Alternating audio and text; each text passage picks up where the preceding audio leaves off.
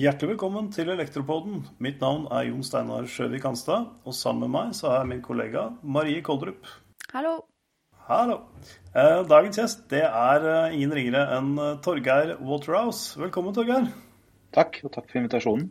Veldig hyggelig at du kunne stille opp. og Vi har jo en tid nå jobbet sammen. og sånn Introduksjonsvis så er det greit å nevne at du har jobba 20 år med IT og eh, IT-politikk, så du har jo en, eh, en, god og bred erfaring eh, rundt dette her. Og årsaken til at jeg tok kontakt med deg, det var egentlig på bakgrunn av et foredrag du holdt, som jeg syns var, var, veldig interessant. Du tok opp en del temaer rundt dette her med, med sikkerhet for bl.a. bedrifter. og hvilke sikkerhets... Ja, hvilke, rett og slett hvilke risikoer vi la oss åpne for. da på en del, eh, en del plattformer, en del tilfeller. Og så tenkte jeg OK, jeg kommer fra elektrobransjen og jobber for, eh, for de som leverer tjenester der. Hva hvis du leverer en tjeneste som skaper et sikkerhetshull eller en sikkerhetsbrist? Hvilket ansvar sitter du med da? Eh, nå tenkte jeg videre, Da må jeg prøve å finne noen som kan noe om det, og da falt valget på deg, Torgeir. Og vi satte i gang med og lage da en, en veileder på temaet. Og det resultatet det foreligger nå. Eh, og jeg har nå skjønt at jeg kunne veldig lite om IT-sikkerhet eh, før jeg begynte med dette her. Eh, så jeg har i hvert fall skjønt at jeg ikke skjønner noe av det. Og så har vi gått gjennom, og du har både tegnet og forklart. Vi har holdt på å si, vært på toppene. Vi har ikke gått ned i, i dalene. Vi har ikke utforska alt dette her, for det er eh, enorme temaer. Men vi har forsøkt å sammenfatte et dokument som skal gi et, et grunnlag for å, å, forstå at det fins risiko rundt det her, og at det er håndterbart. Eh, og resultatet foreligger. Vi har 37 sider om, eh, om temaet, og jeg må si at jeg er veldig, veldig fornøyd med produktet. Vi har brukt en god del tid på å trakte det ned og forsøke å fremstille det populærvitenskapelig, sånn at dette skal være, være tilgjengelig for, eh, for medlemsbedriftene. Eh, hvordan syns du det har vært å jobbe med dette, Torgeir? Var det nytt for deg å gå inn og se på elektrobransjen? Ja, det er nytt å jobbe med og se på elektrobransjen på den måten. Jeg har fått mye kontakt med, med den bransjen eh, mm. gjennom mange år, og også, særlig fordi mange i den bransjen jo jobbe med installasjoner av ekom-infrastruktur også. Mm. Eh, men, eh, men, det som jo har vært, eh, synes jeg har vært veldig både nyttig og viktig og interessant her, har jo vært å jobbe med det i den liksom, konsentrerte og breie formen vi har gjort. altså det, hvor, mm. hvor, logikken er som du sa, at her skal man bidra til at mange viktige aktører får en introduksjon til og kan komme, komme i gang med et tema som er viktig for dem som er viktig for dem i leveransene de gjør til sine kunder, og viktig for dem som virksomhet, selvstendig virksomhet. Og mm. også viktig i kraft av at det er roller, ansatte, altså daglige ledere og andre, som har ansvar for å følge opp dette, men som ikke nødvendigvis er kjent med det utover at det, det, er noe som finnes. Mm. Så den, det, å, og det å starte sånn som dere har, har, vært opptatt av å gjøre, at vi starter med å gi en introduksjon, gjøre det mulig å håndtere området, bevege mm. seg videre derfra, det er veldig viktig. Mm. Ja, for det, dette er jo egentlig for å bryte isen og løfte området fordi at det er mer og mer fokus på dette i samfunnet, og det skjer mer og mer rundt dette her eh, med IT-sikkerhet. Og vi legger jo mer og mer elektroinstallasjoner også eh, mer eller mindre åpne da, ved å ha styringssystemer og annet som går på wifi og andre protokoller som, som er relativt lett å sette ut av spill da, eller, eh, eller gjøre endringer på. og og spørsmålet er jo hvilket ansvar sitter vi da, som profesjonelle aktører som leverer en tjeneste ut i markedet med? Mm. Ja, jeg tenker det, det, er også Når man da snakker om ansvar, for det, har man jo, så er det viktig å bryte det ned òg. Fordi mm. eh, elektroinstruktører er jo vant til å ha et, et, lovregulert ansvar. Det er noe mm. de har en, en, plikt til, noe de har et ansvar for uansett. Eh, samtidig så har du et ansvar som virksomhet for f.eks. sikkerheten til de ansatte. Eh, som er en annen type ansvar. Og så har du et faglig ansvar, og du har et ansvar overfor eierne dine og for kundene som, som, kanskje kan være kontraktsregulert, men ikke nødvendigvis er det. Mm. Uh, sånn at det er, det er, viktig å være bevisst på det også. At det, det handler ikke nødvendigvis bare om uh, det lovverket krever av deg, eller om lovverket gir deg ansvaret, eller kontrakten gir deg ansvaret hvis noe går galt. Men det handler også om å ta et ansvar for det faglige, ta et ansvar for å være en god leverandør. Uh, som mm. igjen handler om god kundeservice og fremtidig inntjening og relasjoner i markedet osv. Så, videre. så det er mange former for ansvar man kan begynne å se på. Men, og, mm. så tenker jeg samtidig at noe av det viktigste ansvaret her er det ansvaret for å si at ja, dette er noe vi må håndtere. Ja. Som leder så må jeg passe på at dette er håndtert godt i virksomheten. Som fagansvarlig må jeg passe på at vi har integrert dette i fagområdet vårt der det er relevant. Mm. Som fagperson som er ute i felten eller hvor det måtte være å gjøre noe, så må jeg ta ansvar for dette. Og jeg må også ta ansvar for å rapportere tilbake at dette har jeg ikke nok oversikt over eller dette trenger jeg mer kunnskap om, eller her er, og jeg må kanskje ta ansvar overfor kunden, som jo elektroinstallatør er vant til. Ja. Og si at uh, dette her kan du ikke gjøre, eller dette vil jeg anbefale deg ikke gjøre. Eller OK, ja, fint, jeg kan hjelpe deg å gjøre det, men regn med at det går galt, og det er din, det er din, din beslutning og ditt ansvar. Ja. Så man må også finne ut av hvilken tilnærming har man på de områdene, og hvilken dialog har man der. da. Og så er det et område jeg kunne tenke meg å nevne veldig kjapt, selv om ikke vi går i dybden på det nå. og Det er dette mm. med personvern. Fordi ja. en av skiftene som oppstår i det øyeblikket man gjør ting med, med, IT, om det er smarte systemer, om det er IoT, om det er store kundedatabaser, hva det måtte være, det er at man også får ansvar for å ivareta personvern. Og det er mm. personvernhensyn å ta i mange flere sammenhenger enn de fleste av oss er bevisst på når det kommer til mm. anvendelse av data. Det kan være så enkelt, og hvor det ofte er lett å se, med f.eks. kamerainstallasjoner. Mm. Eh, det kan være i adgangskontrollsystemer, hvor du har oversikt over hvem som kommer og går når. Eh, og f.eks. kan se et mønster. Det er veldig, veldig merkelig at akkurat de to kollegene alltid går til og fra lunsj samtidig på onsdager, og mm. kommer samtidig på kontoret torsdag morgen. Alltid, hver uke. Mm. Hva betyr det? Eller, og det er kanskje ingenting, eller det er jo lett fristende å tenke at det betyr noe. Men uansett så, så er det også en tilleggsdimensjon. sånn at det, mm. det, handler ikke bare om leveringssikkerhet eller kunderelasjoner eller lovkrav, men det handler sånn på det tekniske og praktiske, men også at du begynner å forvalte ja. data om mennesker på en annen måte enn du er vant til. Og det følger egne krav og eget ansvar ute. En av de tingene vi snakket om der, var jo det at hvis man f.eks. har en uh, en server eller en harddisk, eller ja, gjerne en harddisk da, med opptaksfunksjon av, uh, av videowalking. Så tar du med deg den og kaster den bak i bilen. Eh, som ja, jeg får snakke for egen del, jeg kanskje ville gjort. Og så blir det et innbrudd i bilen, og noen stikker av med den, uh, den harddisken. Så har du faktisk brutt GDPR, og, og personopplysninger er på avveie. Det, da fikk jeg meg en sånn liten aha-opplevelse, for det, det, hadde jeg vært truende til å gjøre, i hvert fall. Fordi, rett og slett, for jeg hadde ikke tenkt noe særlig lenger enn uh, enn det. da. Ja, og, og, Det er noe av det som er viktig med dette arbeidet. Det er å bidra til at man får en forståelse for at det er noen flere problemstillinger, det er noen flere hensyn, det er flere typer ansvar osv. enn det var før. Mm. Sånn at, eh, og Det er ikke nødvendigvis noe dramatikk i det, og vi må, vi må holde oss borte fra disse produkttypene eller tjenestespekterne. men vi må, bare forstå hva er det hva ligger i dette nå? Hva, ikke bare at man, hvilke muligheter er der, og, men, men, hvilket ansvar er det som oppstår? Og hvordan er det det fordeles mellom kunde og leverandør og integrator, installatør og hva det måtte være av roller i et prosjekt? Så, så, opplever jeg at det er jo veldig stor forskjell på kundemassen også. Om du er hos en privatperson, eller om du er hos en, en mellomstor bedrift eller en kommune, og om du er hos en, en statlig aktør som har spesifikke krav. Så du må jo på en måte innrette deg til, eh, til den kunden du jobber med. Og, og vi har jo noe i, i, forskriften vår, forskrift om elektriske lavspenningsanlegg, som heter paragraf 16. Og Der står det at installasjonen skal være egnet til forutsatt bruk. Og Da pleier vi å si at det eneste måten å avdekke forutsatt bruk på, det er å snakke med kunden. Og Det tror jeg er en sånn nøkkelfaktor oppi dette her. Mm. Ja, og det, det, det, er kanskje noe av det viktigste man kan, kan, gjøre, er nettopp det. Og så kan man innimellom bytte ut kunden med andre roller. Men, mm. men det handler nettopp om det å avdekke eh, informasjon som er nødvendig for å kunne gjøre de rette vurderingene. Mm. Eh, minner meg for øvrig om noe en, eh, en, en russisk sikkerhetsekspert som jeg sa, Kaparski, som man kanskje har hørt om. Eh, at i forhold til barn og internettbruk, sånn at det er et, et velkjent grep som fungerer i alle situasjoner for foreldre og barn, og det er 'talking with your kids'.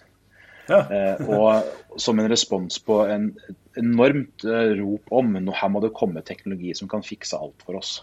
Mm. Og, så Det du tar opp der er kjempeviktig. altså Enten det gjelder eh, kunden og den som er ansvarlig og bestiller hos kunden, eller de som skal anvende noe hos kunden, eller der det skal plasseres ut, eller det kan være andre leverandører som har levert noe som det, det du leverer skal fungere sammen med. Det er noen man trenger å snakke med for å finne ut av hva som foregår. Mm. Og det, I denne veilederen vi har laget, så har vi jo laget noen steg også. Den, og den snakk med kunden, kundesamtale, er faktisk steg én, om jeg husker rett. Stemmer det. Det er steg én. Så det det man begynner alltid med en samtale med kunden for å avklare hva dette skal brukes til, og for å få alt eh, egentlig opp på bordet. Da. Og det er jo veldig kjedelig hvis kunden tar kontakt med deg, og du ikke har noe forhold til dette her i det hele tatt. Det, så det, det handler jo litt om å ligge i forkant av, av eh, det som skjer også. Og kunne litt mer enn alle andre, så blir du i hvert fall framstilt som en profesjonell aktør uh, der ute. da. Også en sånn samtale som uh, det man må gjøre her. Og Vi kunne nok ha snakket i timevis bare om den samtalen med kunden. Men så er det et par ting jeg tenker kan være som jeg, jeg har lyst til å peke på, da, som, jeg, som, jeg, tenker er viktig med deg. det, det, ene er jo at det er i den samtalen du f.eks. kan finne ut av vil den, det man skal installere og levere, vil det inneholde persondata, eller bare data om temperatur f.eks. Ja. Eller vindretninger eller kraftforbruk eller hva det måtte være. Og, den type, Selv om du ikke nødvendigvis finner ut i samtalen hva det innebærer i detalj, så får du med en gang forstått at det betyr at det er faktisk den retningen vi beveger oss i dette prosjektet, og ikke den retningen. Eller det er begge disse retningene. Og Så er det et annet moment som er ganske viktig, og som helt sikkert ikke er ukjent fra elektroinstallasjoner heller, men, men som er ganske typisk for eh, IT-installasjoner og prosjekter. og Det er at den samtalen må du egentlig komme tilbake til nå da. Fordi det vil ofte kunne skje ting underveis som gjør at du må gå tilbake og snakke om noe du snakka om i starten. Fordi det viser seg at det er noen premisser som er endra eller blir annerledes. Litt sånn metode for å komme fram til, eh, til resultatet. Så dukk tilbake igjen til den samtalen, eh, samtalen med kunden. Eh, neste mm. steg i prosessen er befaring. Hva er det viktig å, å se etter da på en, på en befaring? Ja, det, det, er jo noe som det er grunn til å, til å anta at lytterne her og, og, bransjen er godt kjent med. Det å mm. gå på befaring. Uh, og da tenker jeg at en av de viktigste uh, rådene vi kan gi uh, til lytterne nå, er jo at vær oppmerksom på at du skal se etter noe annet på en befaring for en IT-installasjon enn en elektroinstallasjon. ikke nødvendigvis bare noe annet, men at de, er ikke identiske.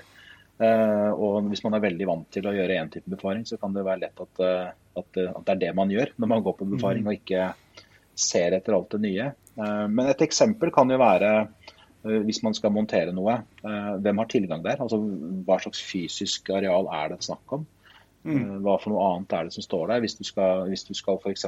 kamera eller, eller, mikrofoner er gode eksempler på, på, noe som er sensitivt for hva som foregår ellers der. Altså Hvis du er ved siden av en byggeplass mm. eh, hvor man skal banke sånne metallpiler ned, langt ned i bakken, eh, så egner det seg kanskje ikke for Ja, det er, ja, det er til og med et fagbrev på det så, så, er det kanskje ikke egna å ha mikrofoner som skal fange opp uh, subtile lydforskjeller utenfor et bygg når det er nabotomta. Uh, eller uh, hvis det er snakk om å filme noe, så, så ok, hva er lyssettingen her? Eller hva betyr lyssettingen for de kameraene du skal velge? Osv.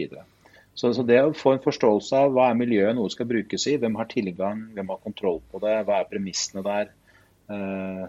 Det er jo ganske opplagt at hvis noe skal stå ute men ikke under tak, så bør det tåle vann, f.eks. Mm. Og et serverrom bør ha en lås. Er vi ikke enige om det?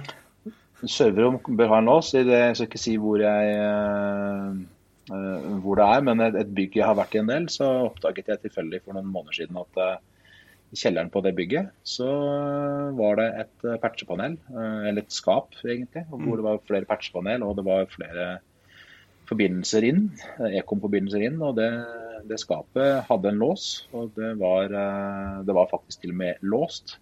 Men med nøkkel eh, stående i låsen. Og på den nøkkelen var festa en nøkkelring, og på den samme ringen var den andre nøkkelen til skapet. oi, oi. Kunne det blitt skikkelig trøbbel da, for de som eh, holdt til der? Ja, da kunne jeg, Hvis min intensjon var å f.eks. overvåke noen, så kunne jeg jo patcha meg inn med noe utstyr der. Eh, jeg kunne jo bare ha låst skapet og stikke med nøklene. Jeg kunne ha kobla fra ting, kobla om ting. Så, så, alt som kan gå galt, da, hvis noen har tilgang til et skap, det var jo fullt mulig der. Men er det straffbart å ikke ha det låst? Altså er det regulert? Og akkurat det er nok ikke regulert som, som sådan, men så kan det være litt avhengig av hva som faktisk befinner seg i et sånt skap, så kan det være noe, noe krav. Eh, enten de er direkte eller indirekte. Mm. Men ofte så vil jo virke, de virksomhetene som benytter den infrastrukturen, det kan lede til at det er straffbart at ikke de har nok kontroll, og nok sikkerhet underveis. F.eks. Sånn at, ja. så at det ikke nødvendigvis handler om den fysiske installasjonen eller gjenstand eller enheten, men det handler om hvorfor befinner den seg der. Mm. Så det kan være straffbart for eh, ja, la oss si barnevernstjeneste f.eks. Altså de ikke har mm. nok kontroll på, på kommunikasjonen sin. Så de har masse sikkerhet på, på, selve tjenestene og på passord og fysisk tilgang til rommene hvor de sitter og jobber og har dokumenter osv. Og, så og så kan du bare gå ned i kjelleren og så kan du koble en kabel inn på patchepanelet, så, så har du speil av all datatrafikken deres. Ja, mm. Sånn som det på en måte å se, forstå, og det peker jo tilbake til kundesamtalen som vi jo har hatt. Hvem er kunden her, hvilke krav stilles til kunden, hva, hva forventer kunden osv. Yes, da har vi vært på og snakket om kundesamtalen. Vi har snakka med kunden. Vi har vært på befaring. Steg tre det er forarbeid og kartlegging. Og hva er, hva er viktig å tenke på da, Torgeir? Ja, Da er det jo virkelig å komme seg inn i hva dette handler om. Eh, og da skape seg enda mer forståelse for hva er det som foregår. Det kan være at man må kartlegge hvilket utstyr har kunden. Eh, hvilke konfigurasjoner har de, har de noen versjoner av noe. For noen teknologier så er det hvilken versjon som er i bruk ekstremt viktig. Mm. Uh, du har nevnt wifi, og, og, uh, og, det kan jo være at, uh, at det er, er, sånn enkelt som at hvis du har en, noe wifi-protokoller, nei, utstyr i bruk, som har gamle protokoller, så gjør det noe med hva du kan introdusere i nettverket, eller hvilket makssikkerhetsnivå du kan ha osv. Så, videre. mm. så det kan jo hende du der oppdager at vet du hva, hvis vi skal kunne levere den sikkerheten og kvaliteten som du forventer, så må du også bytte ut alt dette. Ja. Mm. Eller, eller, du må ta, selv ta ansvar for at uh, du har dette i bruk uh, i samspill med leveransen vi skal gjøre. Det kan være for å komme i kontakt med de andre leverandørene kunden har. Mm. Det kan være at man må, må kartlegge uh, reguleringer som finnes på området, med tanke på det vi har snakket om for så vidt, med, med låsbare skap eller ikke. Mm. Og, og, ikke minst finne ut av hva, hva finnes av dokumentasjon, hva finnes av rutiner, hva finnes av policyer osv. Mm. Uh, her, alt det som ligger til grunn for at du skal kunne planlegge prosjektet sånn som du skal. Og, ja. um, det, det, kan være at du f.eks. oppdager at uh, 70% av de ansatte i denne virksomheten har ikke norsk som språk, og at der, derfor er engelsk arbeidsspråk i virksomheten. Det betyr noe for hvilken dokumentasjon du skal levere fra deg. Det betyr noe for hvor man skal tenke informasjon til de som skal bruke det du leverer, f.eks. Eller kan bety noe. Trenger ikke bety. En av de tingene jeg syns har vært litt sånn interessant med forhold til det steget, er sånn, er at uh, dette med rolleavklaring, altså hvem er det egentlig du snakker med? da? Hvilken rolle har vedkommende i virksomheten? Fordi uh, i hvert fall sånn når jeg var ute og jobbet, så var det sånn den første som ga meg tilgang, så, så gikk jeg inn og så gjorde jeg det jeg skulle. Uh, og så bare antok jeg at jeg snakket med noen som hadde fullmakt og forståelse og på en måte var i posisjon da, til å ja, både dele ut nøkler, gi meg tilgang, i det hele tatt. Men her er det jo, hmm. stiller det seg faktisk litt annerledes, da.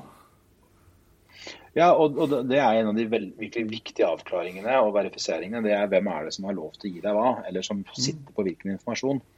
Eh, de fleste ansatte du møter på, kan jo altså Hvis det er snakk om å hjelpe deg å holde døra åpen mens du bærer noe inn, så er det hmm. noe dramatisk annerledes enn å faktisk gi deg adgang til å gå inn gjennom døra, og kanskje til og med gå inn alene. Mm. Så det å, å, vite hvem er det som har disse forskjellige rettighetene. Hvem er et person eller et rolle, for det kan jo være flere personer. Uh, og, og, det å verifisere at du får de tillatelsene du trenger av de rette. Men, men, også hvem er det som f.eks. har ansvar for å passe på at du er verifisert ut når ikke du lenger skal ha tilgang. Og hvem skal nøkkelen du får leveres tilbake til, hvis det er noe som skal leveres tilbake. Ja. Og jeg syns den der er litt spennende, fordi det må faktisk passe på å dra inn ting etter man er ferdig også, den syns jeg er litt, uh, litt, interessant. For jeg er veldig opptatt av å gi folk tilgang. De må ha tilgang gjerne så fort som overhodet mulig, og til gjerne så mye som mulig.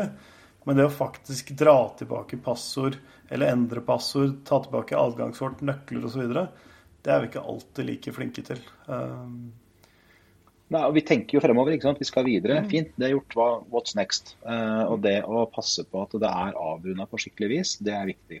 Her har jo uh, Nelfos medlemmer og denne bransjen en stor fordel. Fordi man er jo vant til å levere dokumentasjon og gjøre mm. ferdigstille dokumentasjon i etterkant. Og, og en del ting som, som, kommer etter selve det praktiske og fysiske arbeidet. Mm. Så det er nok noe som ligger nærmere eh, bevisstheten uh, for, for, deres medlemmer i hvert fall, enn en del andre virksomheter ute i i andre sektorer. Ja, det tror jeg du har rett til. Eh, steg fire, fire i denne eh, modellen vår for, eh, for, et prosjekt er jo rett og slett prosjektering. Og Den vil jo da basere seg både på kundesamtale og på, på det forarbeidet og den befaringen du har gjort. Altså Du setter deg ned og rett og slett prosjekterer installasjonen. Mm. Det er jo litt sånn utførelsesfase i, i denne stegmodellen, på en måte. Du nærmer deg nå skal vi virkelig begynne å skru på ting og bære ting og ja. strekke en kabel her og bore et hull i veggen der osv. Men det som, noe av det som er viktig i denne fasen her, når man konkretiserer og går fra å ha kartlagt til å skulle begynne å jobbe fysisk, mm er jo eh, og tilbake til det vi snakket om bl.a. med personvern, at her må du gjøre eventuelle avklaringer der. Eh, F.eks. En, eh, en, en kartlegging av personvernkonsekvenser. For Hvis det har konsekvenser for personvernet, det du skal gjøre, og konsekvenser her betyr ikke at det er noe som blir galt eller, eller er problematisk, det betyr bare at det berører persondata i en eller annen form. Mm. Så må du gjøre en, en den nødvendige personvernvurderingen og risikovurderingen. Og, og, En av de interessante elementene å være klar over med personvernregelverket, er jo at det er jo ulovlig å ikke ha gjort risikovurdering. Mm. Og du må ha gjort det på forhånd, og du må gjøre det basert på det du da skal osv. Så, videre. så, så, så det er en veldig viktig del av dette, og det er nok noe som fort kan være nytt for eh, aktørene det er snakk om her. Selv om de er vant til å gjøre prosjektering av andre elementer. Så selve den fasen i seg selv er jo ikke noe, noe, noe nytt, og det er nok mange som kjenner igjen logikken i de i de stegene vi har satt opp her. Men, mm. men, men innholdet i de kan være nytt for, for mange. Mm. Når du er ferdig med å prosjektere, så skal du gjerne plukke ut uh, litt utstyr da, for å gjennomføre den tjenesten du skal levere. Og du velger også gjerne tilleggstjenester og, og grensesnitt opp mot, uh, mot andre funksjoner. Uh, har du noen tips på hva som er, er viktig å tenke på i den den delen av prosessen? Her er det jo viktig å spille godt på lag med den kartleggingen blant annet du har gjort. Da, og mm. det å, å, vite hva, hvilket fysisk miljø er det snakk om her, hvilke brukere er det snakk om her. Uh, jeg var jo så vidt innom språk uh, tidligere. altså det, uh, Hvilket språk er det i grensesnittet som mot brukerne? Mm. hvilket fysisk miljø skal dette utstyret her stå i? Altså er det sånn at det er en liten skjerm med små bokstaver, lav oppløsning og lav kontrast på skjermen? Som skal stå i et, et veldig lyssterkt miljø, som gjør at i realiteten så er det umulig å lese på den skjermen uansett hva som står der. For eksempel? Er det et støyete miljø, så hjelper det kanskje ikke med utstyr som har en, en svak lydalarm for å varsle om noe. Så det å forstå egenskapene til utstyret, at, hvordan det passer inn i miljøet du skal være i, det er jo veldig viktig her. Og også, eh, som vi også har, eh, vil, vil, se på i både kartlegging og prosjektering, altså hvilket lovverk finnes, hva regulerer virksomheten til kunden din. Om mm. det legger noen føringer for hvilket utstyr du velger. Og, og, og, i forbindelse med det, og i tillegg til det, eh, f.eks. standarder. Hvilke standarder bør du følge? Eh, og hvordan får du verifisert at utstyret følger standardene? Hvordan Pass på at du velger utstyr som kan oppgraderes seinere. At ikke det er en død gjenstand, men som faktisk kan leve. Eller motsatt. Kanskje, du, kanskje det er en grunn til at, skal, at, det skal være utstyr som du kan kontrollere nok til at ikke brukeren tilfeldigvis gjør oppgraderinger. Mm. Eller at det skjer automatisk, og dermed igjen ødelegger funksjonaliteten til, eh, til utstyret. Så, eller i den konteksten det skal stå i. Så det mm. å, å, å, forstå nok om utstyret og nok om behovene til å kunne velge rett, det er jo helt avgjørende. Og, og suksessgraden fremover hviler jo på dette. Jeg nevnte jo i forbindelse med kundesamtalen at det kunne være nødvendig å gå tilbake til kunden og, og snakke mer og verifisere noe. Det er typisk her du kanskje kan oppdage det at eh, OK, greit, vi må verifisere at, at dette utstyret her, eh, her fungerer. Og, og, igjen i samspill med målgruppa. Det minner meg om en, en, en, en tegneserie jeg hadde som pensum faktisk for mange mange år siden. og jobba med, med, medier og kommunikasjon og hvor um, Det var et eksempel som ble dratt opp fra en norsk aktør som ville inn med legemidler i et uh, arabiskspråklig land. land arabiske språk, hvor man da leser fra høyre mot venstre. Mm. Og De skulle selge hodepinetabletter. Og, eh, og en av utfordringene var jo at målgruppen var stort sett analfabeter. Så de lagde en tegneserie for å illustrere at uh, hvis, du har, uh, hvis, du har, skikkelig vondt i hodet, så tar du en sånn uh, tablett, og så blir alt fint. Det de ikke tenkte på, var jo leseretningen. Så de, de lagde en, tegne, en, stripe med tre tegninger som er perfekt for oss som leser fra venstre mot høyre. Og, men målgruppa leste altså hvis jeg har det kjempebra, så tar jeg den pilla her sånn, og så får jeg veldig vondt i hodet. så det å, å passe på at det du tar i bruk, matcher de som skal forventningene og evnene og mulighetene og motivasjonen og hva det måtte være til de som faktisk skal anvende det, det er veldig viktig. Bruker feil utstyr, så får du vondt i hodet. Helt riktig. Men da har du egentlig svart litt på spørsmålet mitt. for jeg hadde tenkt å spørre om det går an å velge feil, i anførselstegn, eh, utstyr. Sånn sett fra et IT-sikkerhetsperspektiv. Men da gjør det jo på en måte det, hvis det ikke da Eh, er i samsvar med de riktige, riktige standardene, f.eks.? Absolutt. Og du kan eh, altså, og Vi har jo i, i, veiledningen her så nevnes bl.a. WannaCry som et eksempel. og Det er jo et, et kryptovirus som, som spredde seg rundt, og som låste ned systemer. og det er andre lignende type altså system som har vært i angrep. Og, og, En av utfordringene som, som mange hadde, da, som gjør at de ble rammet av både WannaCry og andre lignende Eh, virus og, og botter og det vi kaller malware, er at de har hatt utstyr i bruk som ikke har latt seg oppgradere. Sånn at mm. selv om, det, selv om man er til og med klar over at det er en risiko der ute, og det har kommet en sikkerhetsfiks for denne, dette grunnproblemet, så likevel så har man utstyr i bruk som gjør at man ikke kan fikse det.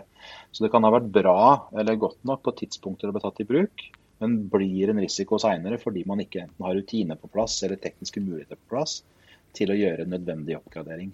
Det er igjen noe av det som er viktig i dette. Eh, at, vel, altså at det, sikkerhet er ikke noe du lykkes med i det øyeblikket du velger produktet eller tjenesten. Det må være en kontinuerlig prosess seinere som gjør at, eh, at eh, vi, man får til å Hva skal jeg si? Får til å holde det sikkert. Mm. Steg seks i prosessen det er installasjon og integrasjon. Hva er, mm. Eh, hva er, det vi må ta hensyn til da, når vi, når vi er nå på den fysiske utførelsen av dette her? Det handler jo om å Hva skal jeg si um, Du skal ikke bare montere noe få det til å virke i seg selv. Det skal inn i et miljø. Det skal inn i et miljø hvor det foregår andre ting. Noen ganger så skal du faktisk integrere med annet teknisk utstyr. Uh, og du skal uh, passe på at det fungerer, og du skal passe på at det er i tråd med det du skal gjøre. Og Ofte så skal du ta, montere og integrere det i, med utstyr eller tjenester som allerede er i produksjon. Mm. Altså Du, du skal f.eks. skifte ut fiberforbindelsen for eksempel, eller, eller skifte wifi-ruteren eller noe annet i en butikk hvor de har et kassesystem som, som baserer seg på denne forbindelsen i åpningstida. Uh, og da, da, da, er det plutselig viktig at du får til å gjøre dette på en sømløs måte som gjør at ikke du tar den ned. Og at du også integrerer med de andre systemene som er der på en sånn måte at, du, at det vil virke over tid. Og Da må du forstå egenskapene og behovene til, til det andre utstyret de andre tjenestene. Mm. Uh, eller de standardene som er i bruk der. Og Da er vi på alt fra at verktøyet ditt utstyret er skrutrekker, du skal skru det fast i veggen. Eh, og du skal f.eks. være på en sånn måte at det ikke faller ned over tid for at du har brukt eh, skruer som ikke passer til gipsvegg. Eh, eller det kan være mer IT-teknisk art. Da. Det handler om å få det inn i det miljøet det skal være. Steg sju, det er testing. Det kjenner vi jo alle til. Funker lysbryteren? Av på, av på. det er det er jo egentlig der vi er. Eh, ikke sant? Verifisere at ting fungerer som det skal. Eh, og da også hva gjør du i det øyeblikket du oppdager noe. Uh, hva gjør du, uh, og, og, kan du finne ut av hva som fungerer og ikke, og hvorfor eventuelt. ikke sant? Det, og det, Noe av det viktige med testing er at du kan jo oppdage at uh, det er ingen utfordring med det du har gjort, men det kan avdekke noe et annet sted. Og Da er vi igjen tilbake til kartleggingen. Det med ansvaret for det systemet som vi nå oppdager at ikke fungerer lenger. Mm. Det, og, og, og, hva gjør det? Altså, du, må, du må teste ikke bare slår min lampe seg på når jeg gir den strøm, men, men hvordan slår det ut i det miljøet vi er i. Mm. Um, så, så den, um, og, det, og, Her hviler også stort ansvar på kunden og dialogen og, og samarbeidet man har med kunden. fordi det vil jo i mange større systemer i hvert fall kunne fort være avhengigheter eh, og sammenhenger som ikke du er klar over eller har tilgang til å teste ut, f.eks. Hm. Ja, godt poeng. Når man er ferdig med testinga, så er det å ferdigstille dokumentasjonen. Det er vi ikke helt ukjent med i den bransjen her. Vi, vi dokumenterer eh, veldig mye, og det er jo selvfølgelig viktig også i, eh, i denne typen eh, i denne typen leveranser. Um, og steg ni, da er vi på overlevering til kunden. Um, og da er det jo litt, litt annerledes i forhold til den vanlige typen installasjoner som vi, vi er borti mye. Ja, og, og, dette jo, og dette henger jo tett sammen, selvfølgelig. Men det handler, jo også bl.a. om hvem er som har ansvaret. I det øyeblikket det er overlevert, så er det kunden som har ansvaret for det. Mm. Og også må eventuelt gjøre egne tester og verifisere og akseptere at dette er i orden. Mm. Og, og, det henger jo selvfølgelig tett sammen med dokumentasjonen. Og hvis ikke mm. dokumentasjonen er ferdigstilt, så kan det være at kunden ikke kan overta. Mm. Uh, og når vi snakker om ferdigstillelse i det, det steget, da, uh, som jo måte som er steg åtte, overlevering som er steg ni, så, så, handler jo det også om at man må dokumentere fortløpende. Det er ikke noe man begynner ja. å gjøre til slutt. Og, og, fordi man kan ha mange ting underveis man må ha dokumentert. Okay, vi sto, vi sto overfor dette, og så valgte vi A fremfor B mm. fordi at osv. Og, og er persondata involvert i prosessen, så er det igjen et lovkrav at man har dokumentert det fortløpende og dokumentert hvilke valg man tok og hvorfor. Mm. Og, eh, og, dette øyeblikket her er jo også veldig viktig med tanke på ansvar. Vi har snakket om hva man har ansvaret for. Um, og, og, nettopp at fra og med nå er det faktisk du som har ansvar. Og Det betyr også at du kunde, du har ansvar uh, for uh, at eventuelle tredjeparter som har fått tilgang underveis, at de ikke lenger har det. Du har ansvar for at de passordene som jeg har hatt tilgang på, f.eks. For, for å kunne logge meg inn, eller nøkler eller hva det måtte være, at de ikke lenger fungerer. Du må passe på at det nå tilpasses sånn som du Fra nå ut er det ditt ansvar. Mm. Fram til nå var det mitt ansvar. Mm. Så den, eh, den, dimensjonen i det er veldig viktig. Og det er også viktig med tanke på er det nå i en testfase, eller går det over en produksjonsfase?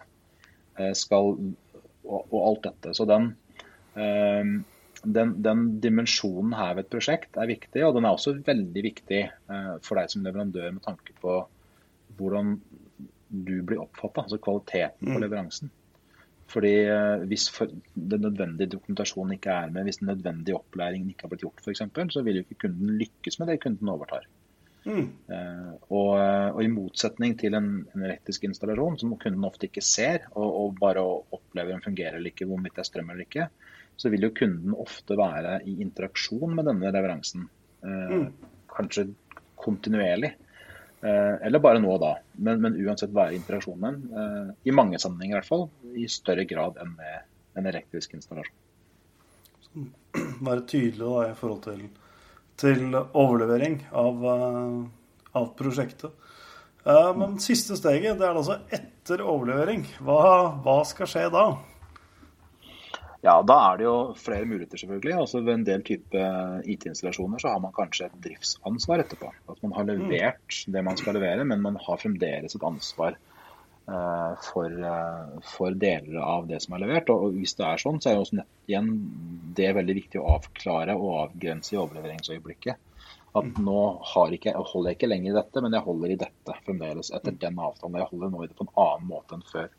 Ja. Og, eh, og, hvis du skal holde i noe, eh, drifte et eller annet system, eh, så er det f.eks. viktig at det finnes nødvendig avtaleverk som gjør det lovlig, å regulerer det.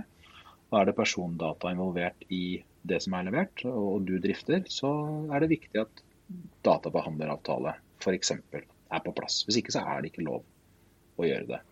Og Noe av det spesielle med, med personopplysningsloven, som regulerer hvordan vi behandler persondata, er jo også at du som leverandør, altså databehandler, eh, du kan få et ansvar om du er kjent med at eh, kunden ikke gjør ting tilstrekkelig, eller at du gjør ting som ikke er lov å gjøre. Og, og Da er vi tilbake igjen til dette ansvaret som kan, kan være helt tydelig lovregulert, eller ikke i det hele tatt, men hvor du har et, et, i det minste et uformelt ansvar. Så det å ta ansvar for hvordan ting gjøres, og igjen passe på at, at for din del, at dine ansatte eh, også ha forståelse for overleveringen og hva vi nå gjør, versus hva vi gjorde tidligere. Hmm. Hmm. Tusen takk for gjennomgangen, eh, Torgeir. Dette her er eh, et spennende og veldig stort tema. Vi har jo som sagt tatt et ekstrakt av det her og fått det ned på 37 sider. Så jeg anbefaler alle medlemsbedrifter å gå inn på Nelfo og min side og laste ned veilederen og sette seg inn i, inn i temaet. Så vi har altså veilederen, vi har podkast, vi kommer med webinarer og annet, sånn at det er mulig å ta til seg dette temaet i flere kanaler og på flere måter. Og med det så håper jeg at vi klarer å sette IT-sikkerhet i søkelyset, sånn at eh, vi slipper å stå til ansvar for ting vi, vi ikke har sett komme, for å si det sånn. Jeg tenker at Her er det også viktig å vise på at det er både et godt startpunkt og det er også et utgangspunkt for det kontinuerlige arbeidet som må gjøres. Ja. Det var, det var godt sagt, Torgeir. Og med det så runder vi av for i dag. Tusen takk for at eh, du tok deg tid, Torgeir. Takk skal dere ha. Ha det godt.